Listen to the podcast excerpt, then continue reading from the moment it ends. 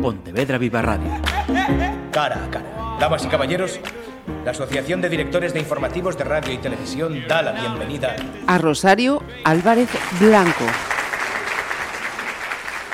Adicamos esta semana o cara a cara e tamén as conversas na ferrería os premios Cidade de Pontevedra. No apartado de persoas físicas recibirá ese galardón Rosario Álvarez Blanco, presidenta do Consello da Cultura Galega dende 2018. Así que o primeiro de todo toca dar na a, noraboa a convidada neste programa. Rosario Álvarez, eh, gracias eh, por adicarnos estes eh, minutos e, como decía, parabéns Moitas grazas, que agradeces son eu a ocasión e os parabéns. Uh -huh.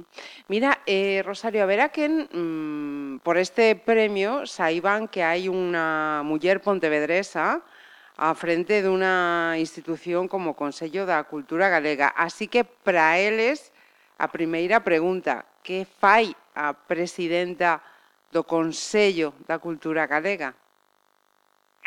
Pois o Consello da Cultura Galega é o órgano estatutario que ten que velar pola defensa e promoción da cultura de Galicia, da cultura galega en particular, e, e iso fai no tanto pois eh, salvagardando pois, o patrimonio, cuidando do que o patrimonio estea ben valorizado, ben cuidado, que se poida eh, transmitir en millores condicións aínda do que nos legaron as xeracións precedentes, pero tamén ten que estar atento pois a cal é o estado neste momento da cultura de Galicia para poder eh, facer, facendo informes eh, técnicos, eh, eh, convidando expertos a debater sobre os grandes temas para que poidan asesorar os poderes públicos para que o estado da cultura galega millore e tamén ten que hacer unha certa previsión de futuro para que, bueno, pues nun mundo cambiante como o actual, pois se prever que hai que poñer agora bases para que no futuro inmediato no futuro medio pois a situación sexa mellor do que neste momento, en todo caso nunca peor. Vostede é a primeira muller que preside o Consello da Cultura Galega. Que importancia deulle Rosario Álvarez a este feito en 2018? Eu creo que é un feito importante para mí, claro, naturalmente de maneira persoal o é, pero pero creo que eso non ten non é o que interesa, non? Interesa ver que realmente pois que hai un proceso de visibilización das mulleres, o traballo das mulleres, un proceso de toma en consideración da voz das mulleres que ven andando xa desde desde hai un, un tempo que vai dando pasos positivos cara adiante e eu debo decir que desde que eu colaboro co Consello da Cultura Galega desde moito antes de ser presidenta, pois eh, sempre apreciei que o Consello da Cultura era un lugar en que eh, se trataba de levar realmente esta bandeira, non? Ese, homes e mulleres, non? Eh, levaban esta bandeira a prol pois, da, da, da igualdade de xénero a prol de non somente de darlle unha visibilidade dentro da institu institución, sino de traballar para que realmente poida haber un cambio na sociedade, educar de alguna maneira a comunidade para que se vayan dando pasos progresivos eh, cara a igualdade de homes e mulleres. Non? Entón, no meu caso, non é un eu non o vivín como unha cuestión de tipo así moi excepcional, porque, mm, bueno, ben vía que realmente simplemente chegara o momento, chegara o momento en que no momento dun relevo, pois eh, eh, o plenario eh, votou a miña candidatura, pero insisto, non como algo excepcional naquel momento, sino como algo que de alguma maneira viña eh, feito, natural. Mm, feito de maneira moi natural, mm. de maneira moi natural para os pasos procedentes que se deran. Mm. Eh, vostede é tamén eh, membro da Real Academia Galega dende sí. 2003, foi eh, directora do Instituto da Lingua Galega e, ademais, catedrática en Filoloxía Galega e Portuguesa. Así que quero preguntar, na súa opinión, eh, cal eh, é o estado de saúde da lingua galega?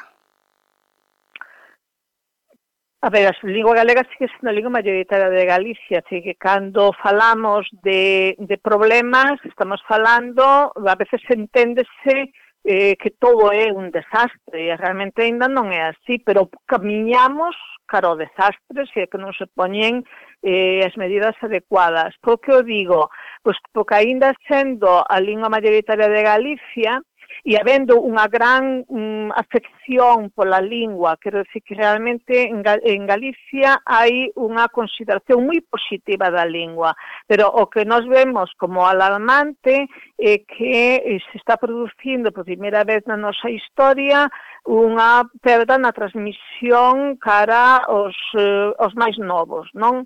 É dicir, non é tanto, eu sempre insisto, non é tanto en que os nenos e os adolescentes e os mozos abandonen a lingua como que os adultos pre, mm, están preparando un abandono por parte deles. E son os, os adultos os que non lle la transmiten para que eles se poidan instalar realmente nesa lingua. E eu quero chama a atención sobre iso, non solamente polo feito de que para a lingua pode ser moi pernicioso, senón porque eses pais, e avós, e tíos, e primos maiores, deben ser conscientes de que están privando os rapaces dun dereito. Eles teñen dereito ao disfrute da lingua dos seus antepasados, da lingua que tenga raíces nesta comunidade. Entón, abandonando o galego abandonando o feito de transmitirlles tamén o galego, hm, estamos privando dun dereito e non teñen dereito a facelo. Uh -huh. si, os rapaces teñen, teñen insisto, pronuncia moitas veces a palabra dereito, pero quero que quede claro, é dicir, os rapaces teñen dereito a recibir a lingua dos seus antepasados, a lingua desta comunidade, isto é un patrimonio lingüístico que non temos dereito a privar dela ninguén. Non? Se ademais vemos que todos os estudios din que o feito de ser bilingüe é o que realmente prepara para poder aprender máis linguas, para poder vivir eh, a, a pluralidade lingüística dunha maneira natural e que tamén, ademais, están privandos de, unha, de un factor positivo que, mm, nas súas vidas futuras. Uh -huh. Eh, voltando aos, os premios, eh, moitas eh, felicitacións desde que soubo que recibirá este galardón. Sí, claro, moitas. Sobre todo o que máis me conmove, me alegra, e que me chegan moitas felicitacións dos moitos vínculos que sigo tendo en Pontevedra, porque eu sempre digo que as miñas raíces son pontevedresas, eu non sería o que son, nin faría o que fixen da mesma maneira se non estivese marcada por esa infancia e mocidade pontevedresa, pero teño o privilexio de que sigo mantendo os meus vínculos cos amigos da adolescencia da mocidade e tamén moitos vínculos cos miñas compañeras de instituto, o mellor instituto do mundo. Eh?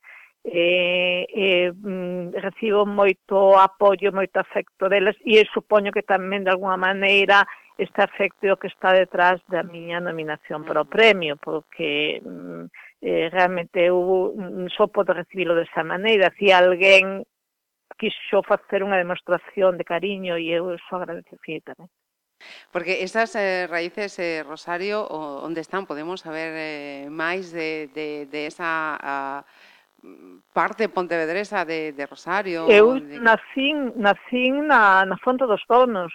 Toda a miña infancia estivo vinculado aí, si, con ese centro na zona vella, na Rúa do Rego, e eh, naturalmente pois, a un tiro da Praza do Pan, que agora chamamos máis ben de Teucro, pero cando era pequena chamamos da Praza do Pan, da Palma, de que o meu colexo estaba de arriba do Carabela e, por tanto, o noso patio de xogos era a ferrería, de, de, de, da Alameda e dos, eh, como, tamén como patio do instituto no? que eu eh, entre a Alameda e as Palmeiras era realmente pois, o noso recreo dos, mm, paseos de domingo pola tarde coa miña nai e a miña avó as miñas xionás polas cordaceiras que a miña da Moureira para volver por San Roque a Alameda de novo, que sí que todos os meus recordos máis felices de infancia e adolescencia están na zona bella de Pontevedra e tamén xa sendo máis moza, pois camiño do, de Monteporreiro e da, e da e do Río Lere. Ajá.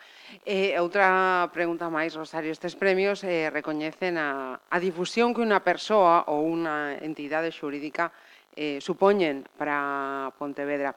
Se lle propoño un exercicio sobre as virtudes desta cidade, cales me cita?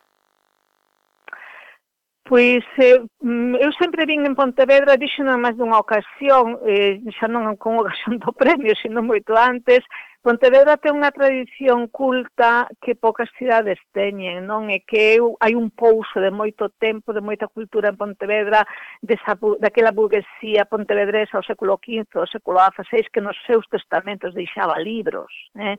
Esa Pontevedra que crea unha escola para que os rapaces non teñan que sair de Pontevedra para estudiar, e na pasantería, na de Montaos, creo, creo ao final do século XVI. Esa Pontevedra que logo deu lugar a ese museo extraordinario, que deu lugar a unha biblioteca pública que era tamén o noso espazo tamén de encontro e de, e de lecer, que creou eses institutos maravillosos que tivo e que segue tendo naturalmente, ahora multiplicados, uh -huh. que crea moitas sociedades, que crea unha filarmónica, que crea, así, ese tipo, coral, coral perifónica, así, eh, esa Pontevedra culta mm, tra, mm, de tradición de moitos séculos eu valoro a moito e valoro tamén Pontevedra a súa condición de cidade atlántica, non? É dicir, eu creo que unha das das miñas eh, marcas agora mesmo como presidenta do Consello da Cultura pois é, mm, bueno, sin abandonar a globalidade de Galicia naturalmente poñer un pouco máis o acento sobre a posición atlántica de Galicia sobre esta tradición mariñeira da cultura galega que compre reivindicar e, bueno, agora mesmo está aí en Pontevedra a exposición a exposición de, dos, do Inventio Mundi coa que queremos pois, facer unha homenaxe aos eh, navegantes galegos que abriron os camiños do mar E, mm, e porque inaugurada en Pontevedra? Porque queríamos ir render homenaxe pois, pues, os irmáns Nodal e a Sarmiento de Gamboa, entre outros, os mariñeiros da Moureira, que foron os que realmente protagonizaron máis que ningún outro eh, lugar de Galicia pois, pues, esta, esta epopea. Uh -huh pois eh, queda latente e evidente que Rosario coñece perfectamente esa cidade onde nacera, onde están as súas raíces, como ela di. Rosario, que o día 20 sexa un día entrañable para vostede, noraboa e grazas de novo por atendernos. Xa está sendo, moitas grazas por interese, moitas grazas polo premios Pontevedreses que me propuxeron, e o día 20 vémonos. Pontevedra Viva Radio. ¿Me permiten que les haga un comentario como espectadores del programa Cara a Cara? Según un reciente sondeo de mercado, ustedes disponen de estudios e inteligencias superiores a la media. Sus intereses abarcan desde la actualidad mundial y la ciencia hasta el deporte y los espectáculos.